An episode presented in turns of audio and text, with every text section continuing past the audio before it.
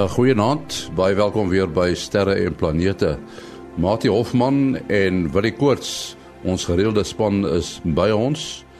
Ons gaan ook luister na Kobus Holkers en Ruimte weer, maar voordat Ruimte nuus. Die feit dat die helderheid van sterre dit moeilik maak om planete wat na aan hulle is te ondersoek, het 'n internasionale span aangespoor om 'n kamera te ontwikkel wat die probleem oplos. Die supergeleidingskamera bekend as Darkness is die wêreld se grootste en mees gesofistikeerde fotografiese instrument.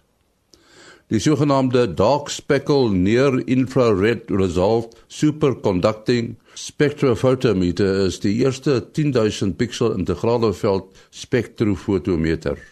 Deur middel van induksie-detektors en in samewerking met aanpasbare optika sal die instrument die lig van sterre uitblokkeer en hulle nabygeleë planete kan bestudeer.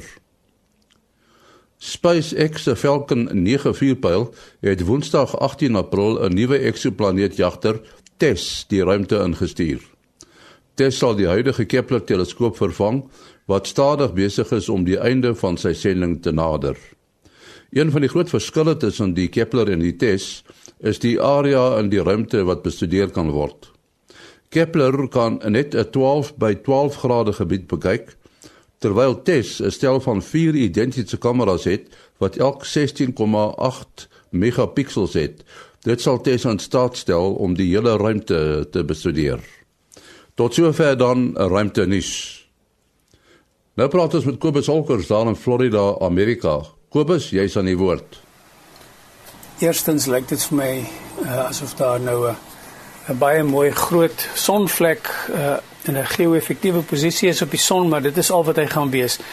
Die kanse dat hy gaan meer kompleks raak is baie skraal. Hy's in 'n baie stabiele uh, noord-suid oos-wes uh, konfigurasie. Daar's geen kompleksiteit in hom nie. En as mense nou wil gaan kyk na die satellietfoto's waarvan ons nou al die internetadres gegee het, kan hulle gaan kyk en daar hulle sal die pragtige mooi strome van plasma sien wat beweeg van die een pool na die ander een toe. Dan het ons 'n paar klein koronagaatjies nader aan die noordpool van die son.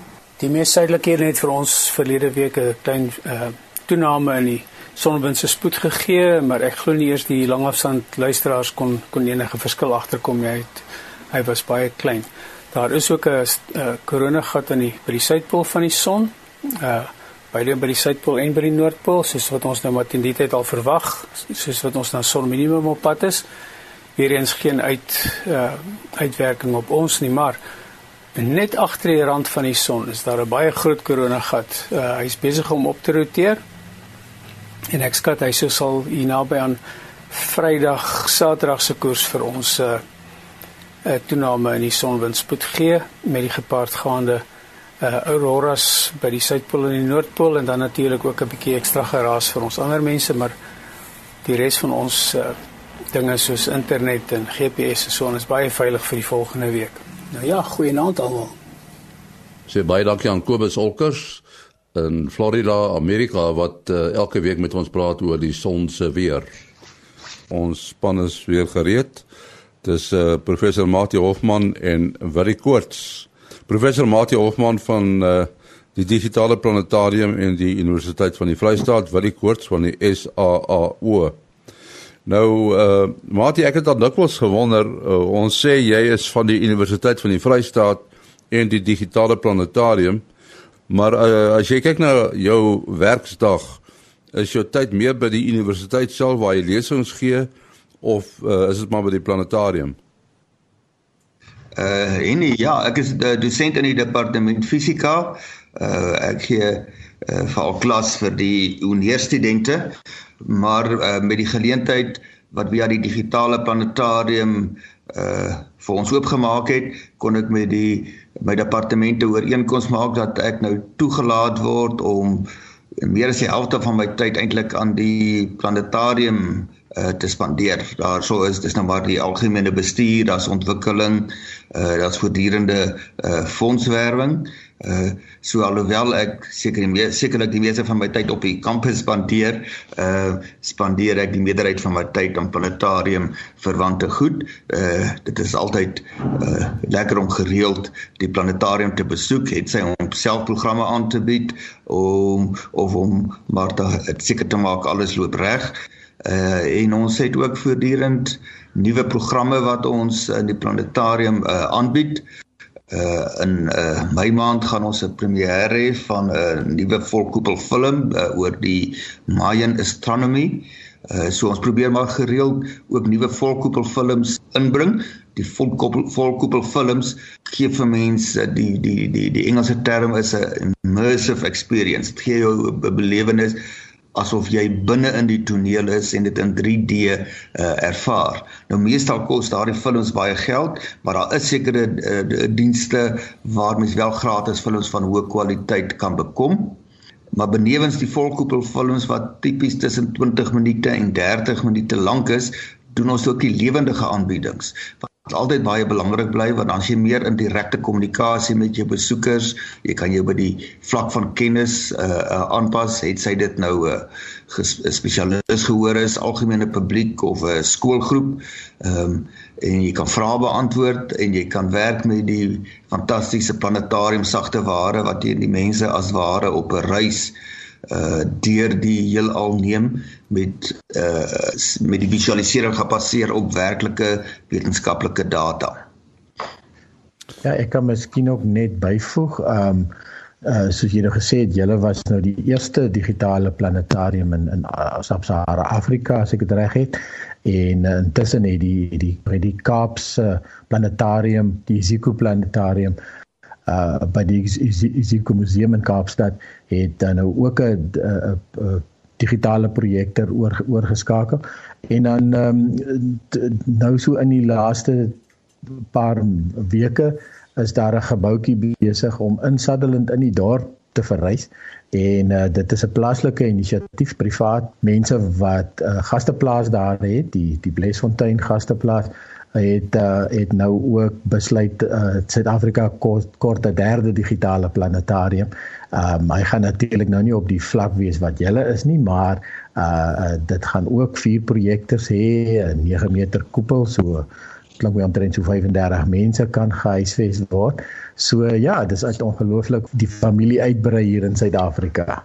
Ja, en net om 'n bietjie perspektief te gee, Ehm um, in die wêreld is daar meer as 2000 planetariums en enkele honderd ten minste 300 daarvan is steeds digitale planetariums. So ons is baie nuut in hierdie veld en net om 'n uh, omvang 'n uh, verdere gevoel vir die omvang van die bedryf te gee, daar's meer as 100 miljoen mense per jaar wat uh digitale planetariums uh besoek. Uh so ons het nog baie opvangwerk hier om in Suid-Afrika te doen. Ehm um, en die mense moet maar kyk wat in die volgende 5 jaar gebeur. Daar's nou hierdie private inisiatief op Sutherland. Dit is ongelooflik dat daar so 'n inisiatief kan wees. Maar kyk maar wat gaan gebeur met die uh Johannesburg Planetarium. Hulle beplan ook om op een of ander manier te moderniseer. Daar in Durban uh is daar 'n groep mense wat 'n soortgelyke fasiliteit wil vestig.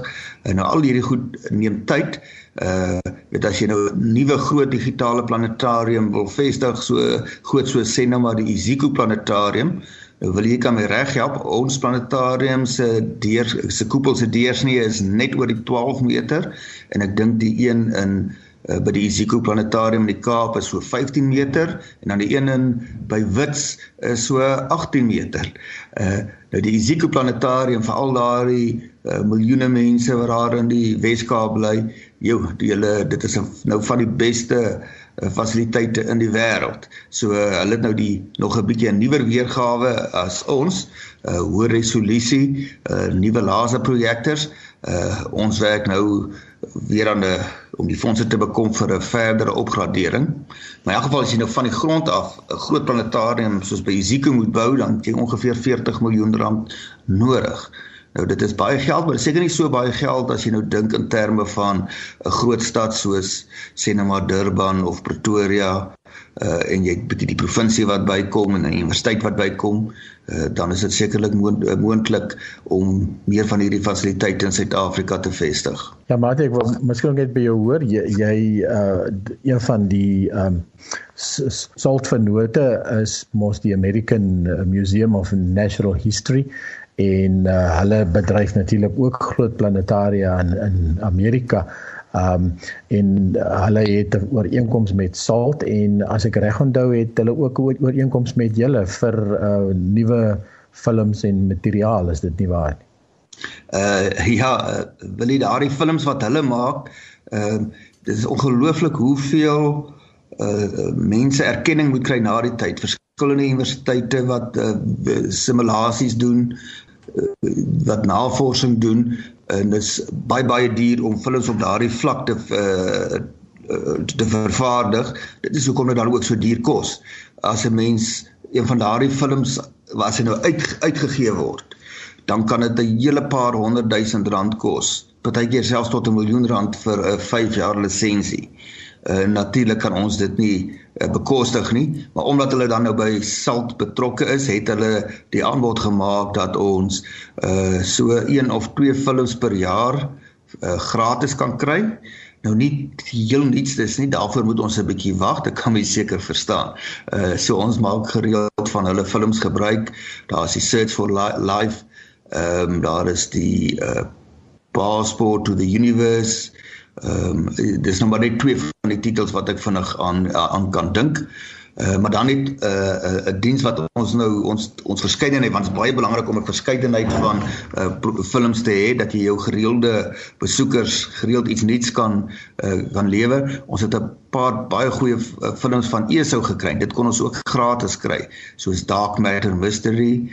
Uh, ons het 'n nuwe een, uh, Phantom of the Universe en dan gaan dit nou oor hierdie vraag of daar donker materie is.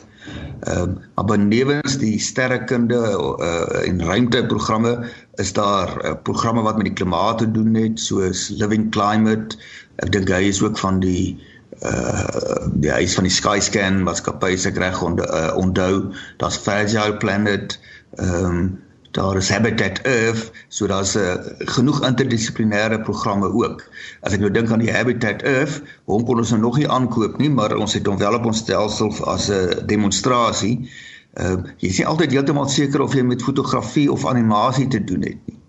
Dan vat hulle jou so onder die grond in in die tonneltjies waar die mure en goed rondloop en dan binne in die in die waterkanaaltjies van die bome vat hulle jou op in 'n woud tot jy bo by die asemhalingsgaatjies van die blare uitbeweeg.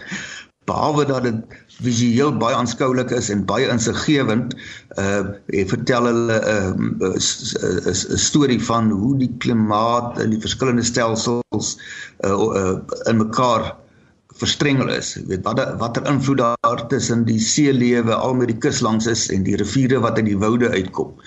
So dit gaan oor 'n hele netwerk wat belangrik is vir lewe op aarde. So dis baie baie leersaam om na hierdie films te kan kyk en so moet sê in 'n halfuur se tyd kan jy oor totaal vir iets nuuts 'n uh, nuwe onderwerp oopgaan. Ja, ek sien natuurlik die volgende ontwikkeling as uh hierdie toestelle wat jy uh, oor jou kop sit uh, waar jy deur 'n bril kyk wat stereo klank het en ook 3D uh, beelde het en dat jy dan eintlik op jou kop 'n hele planetarium het. Ja, ek, ek weet uh, uh Japie van Sail het ons onlangs gepraat daarvan dat hulle by hulle van hulle fasiliteite kan jy so toestel oor jou kop sit en dan kan jy dit as amper belewe asof jy op Mars uh uitgeklim het uh en kyk na hoe dit die om jou lyk en dan is dit gebaseer op hierdie uh foto's wat werklik daar geneem is met die Curiosity tuig of die uh Spirit and Opportunity. So ek moet sê dis is iets wat ek baie baie graag sal wil doen. Nou die nadeel daarvan is jy doen dit nou weet een mens op 'n slag, jy kan seker dit dupliseer en dan uh, inligting kry. Ek, ek dink dit gaan vir jou 'n meer lewensgetroue ervaring nog gee as wat die planetarium vir jou doen. In die planetarium het jy nou die voordeel jy kan 'n groot klomp mense op 'n slag akkommodeer. Nou die planetariums onderskei tussen die die perspective uh, uh 3D uh maar anders jy die kry jy die belewenis van 3D teenoor werklike 3D. Die werklike 3D moet al die beelde gedupliseer word. Jy moet die hoeveelheid projektors verdubbel, die hoeveelheid rekenaars verdubbel en dan kan jou statiese beelde waar daar geen beweging is nie kan 3D wees, maar dan het jy natuurlik hierdie spesiale brille nodig. Die die nadeel daarvan is die geweldige koste en dit plaas nogal 'n stremming op jou uh, op jou oë as jy nou sê vir langer as 20 minute of 'n halfuur daarna sou kyk.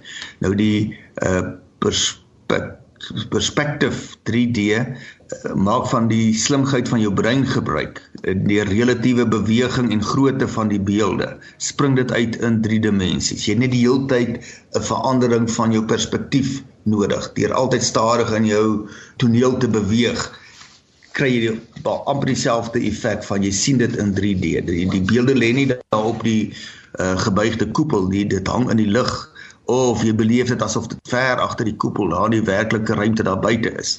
En dit gee jou dan die gevoel dat jy met 'n ruimteskip uh, deur die ruimte ruimte reis en jy kan om die voorwerpe reis. Uh jy kan natuurlik in die mikrowêreld en ook reis.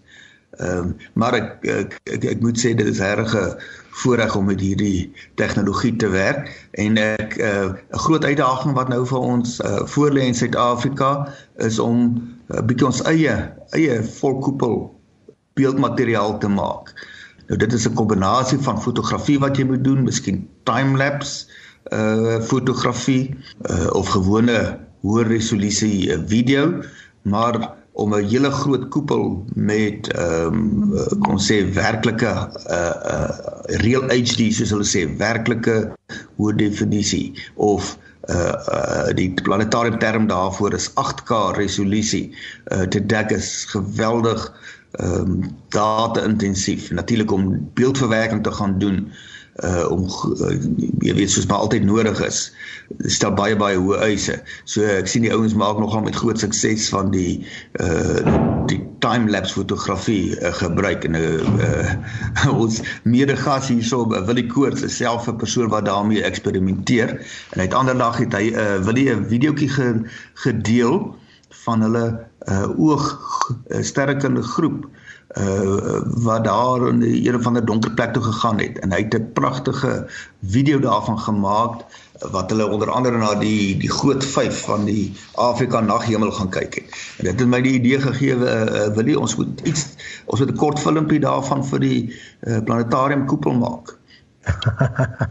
ja nee, ek is nog glad nie by die kwaliteit wat jy van praat nie. Ek is nog op YouTube kwaliteit, maar ja, ek kan nogal verstaan dat Uh, ja, maar weet jy die weet jy die idees nodig en dan bring mens nou maar die spesialiste in. Ehm uh, want ja. hulle gaan nie daai idees kry nie en uh ehm uh, so dis nou maar waar jy waar jy nou 'n span moet vorm ehm uh, en mens begin uh ek mens moet nou weet as jy 5 minute vol koepel video van hoë kwaliteit gaan maak, dan gaan dit jou 'n hele paar maande neem. Maar ten minste, ek dink ons het stories wat ons kan vertel wat internasionaal relevant is. Dink nou maar net behalwe van ons suidelike uh, naghemel wat ons iets van kan vertel, maar ons groot sterrekunde projekte, die, die Meerkat wat gaan uh uitloop op die SKA sal hele Sutherland fasiliteit uh ek dink regtig as ons nou by daai punt kan kom dat ons materiaal kan maak wat ons kan uitvoer sal dit 'n baie groot uh advertensie vir ons land wees ek het 'n paar kollegas daar by die sterrewag wat moet soortgelyke goed speel. Um, en en soos jy sê die tydverloop uh film is is makliker in die sin van om dit hoë resolusie te maak want jy vat 'n gewone digitale kamera vandag wat wat 'n 'n redelike groot beeld gee en dan moet natuurlik nou net die beeldverwerking doen soos jy sê. Um, elke beeld kan individueel beter gemaak word sodat jy maksimum daar uit kry en dan ja so daar is 'n paar van my kollegas op YouTube al reeds wat um, nogal oulike uh, hierdie tydverloop fotografie gedoen het. En ek stem 100% saam iets soos um, SKA wat nou aan die aan die bou raak en die ongelooflikste donker naghemel sit daar in Carnarvon se omgewing. As jy nou al hierdie beelde beelde het, dan is daar 'n proses wat ons moet deurgaan vir elke bepaalde planetarium afhangende van jou konfigurasie van projektors, die die die die die helling wat in jou koepel geïnstalleer is en so aan, dan moet jy daardie beeld gaan opbreek om te verdeel tussen hoeveelheid ehm um, rekenaars wat jy gebruik, die die sogenaamde renderers. Uh by ons planetarium het ons twee groot projektors uh met vier rekenaars elk, so dit gee jou agt rekenaars. So jou beeld moet in uh agt verdeel word wat dan soemloos op die koepel uh, gelas word en dan moet daardie uh volkoepel video dit moet alles gesinkroniseer bly dat uh, dit soos een beeld ervaar word. Nou by by uh, Isiko Planetarium het hulle ses projektors, elkeen twee rekenaars, so dit gee vir jou 12 rekenaars. Ehm uh, en dit is daai rekenaar se grafika kaarte wat vir jou bepaal hoe vinnig en teen watter resolusie kan jy daardie beelde op die koepel gooi. Kom ons spring na iets heeltemal anders. Eintlik nie iets heeltemal anders nie. Wil jy die oudste teleskoop daar op Sutherland? Is dit die Radcliffe teleskoop? Ja, dis korrek. Uh 1938 is die datum op hom die Radcliffe teleskoop uh 74 duim of 1.9 meter in die in die moderne taal uh lensopening. En in sterrekunde praat ons mos nou maar van hoeveel lig 'n teleskoop wil versamel of kan versamel. Wat gaan bepaal hoe dowwe goed uh, kan jy sien? Uh die uh salt is byvoorbeeld 11 meter speel so dis 'n baie groter speel so kan uit die aard van die saak baie dieper in die heelal inkyk. Ja die ou Radcliffe uh is vernoem na 'n persoon met die naam van Johannes Radcliffe was 'n mediese dokter aan Brittanje hier in die in die 1800s Um hy het uh, geen kind of kraai gehad toe hy nou oorlede is nie so sy hele en hy was redelik wel af om mee te begin. Uh so al sy uh, rykdom en sy um besittings is toe in 'n trust belê en die trust word deur 'n raad beheer en uh, in Amerika in Engeland self uh, hy was uh, naby Oxford so uh, dit is sommer nou die akademiese omgewing daar. Uh, vandag nog is daar 'n Radcliffe Observatory naby Oxford. Daar is 'n Radcliffe um mediese skool uh want hy was mos 'n mediese dokter. So die stipulasies in die trust uh, befondsing het ook dan natuurlik bepaal waarvoor kan uh, die geld aangewend word en uh, toe hulle uiteindelik toe nou wil die uh, sterwag in die in die suidelike halfrond bou nou op daai tyd kan 'n mens nou dink was al die aktiwiteit maar in die noordelike halfrond in Engeland. Mens kan nie dink dat jy in daai weer ooit sterkende kan doen nie maar dit is wel gedoen. So astrofisika het toe nou net uh, lekker ingeskop.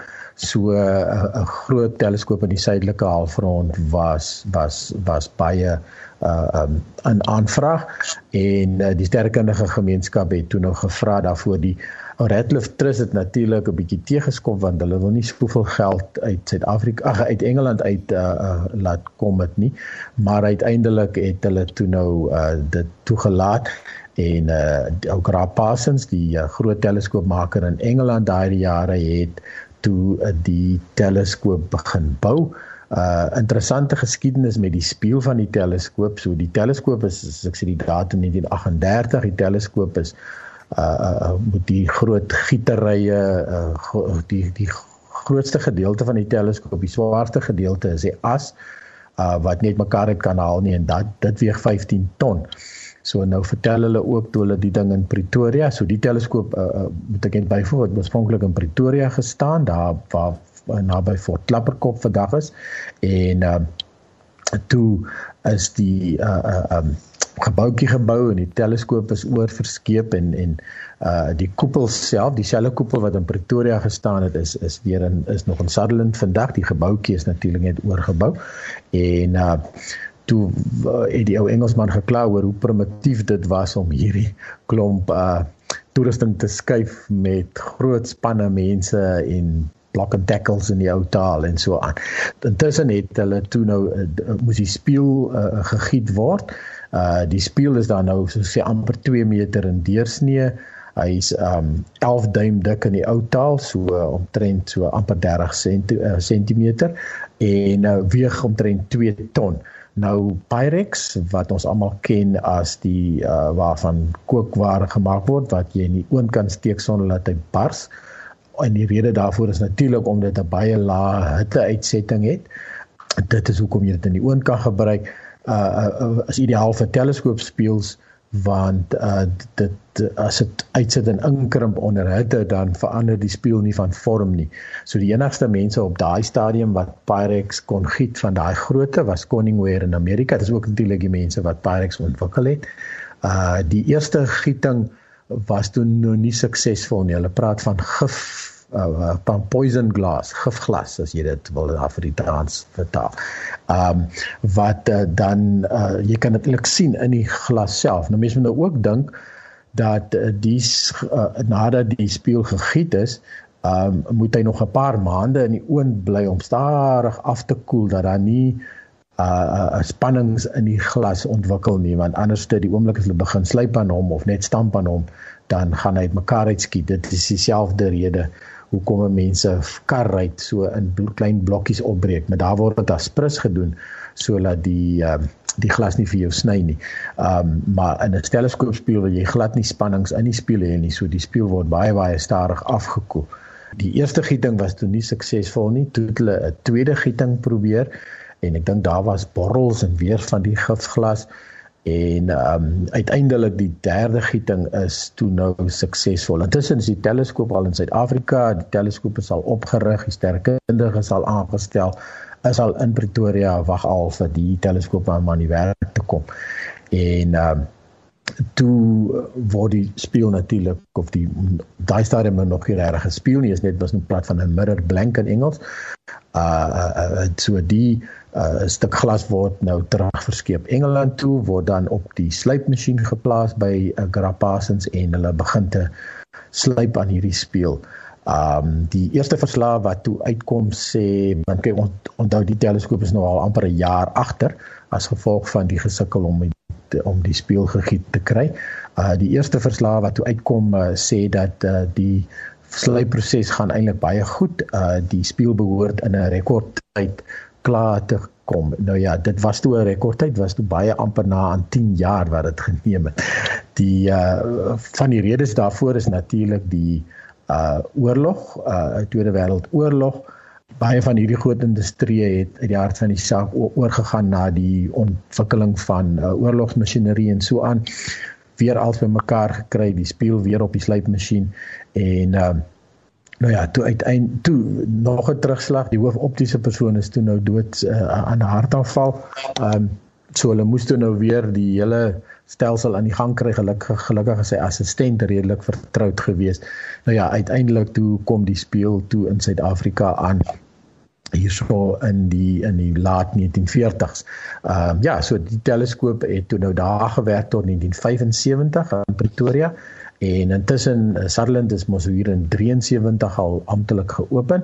Ehm um, so toe was daar net 3 teleskope oorspronklik en toe in 1976 is die uh teleskoop die 74 duim wat vandag nog werk uh um um, weer uh in in aanvang geneem uh, verskuif na Sutherland toe en uh so toe ek daar uh, 30 jaar gelede by die teles by die Sterrewag begin het was daar net die vier teleskope wat nou intussen aangegroei het na 22 teleskope op die koppie. Ons moet afsluit.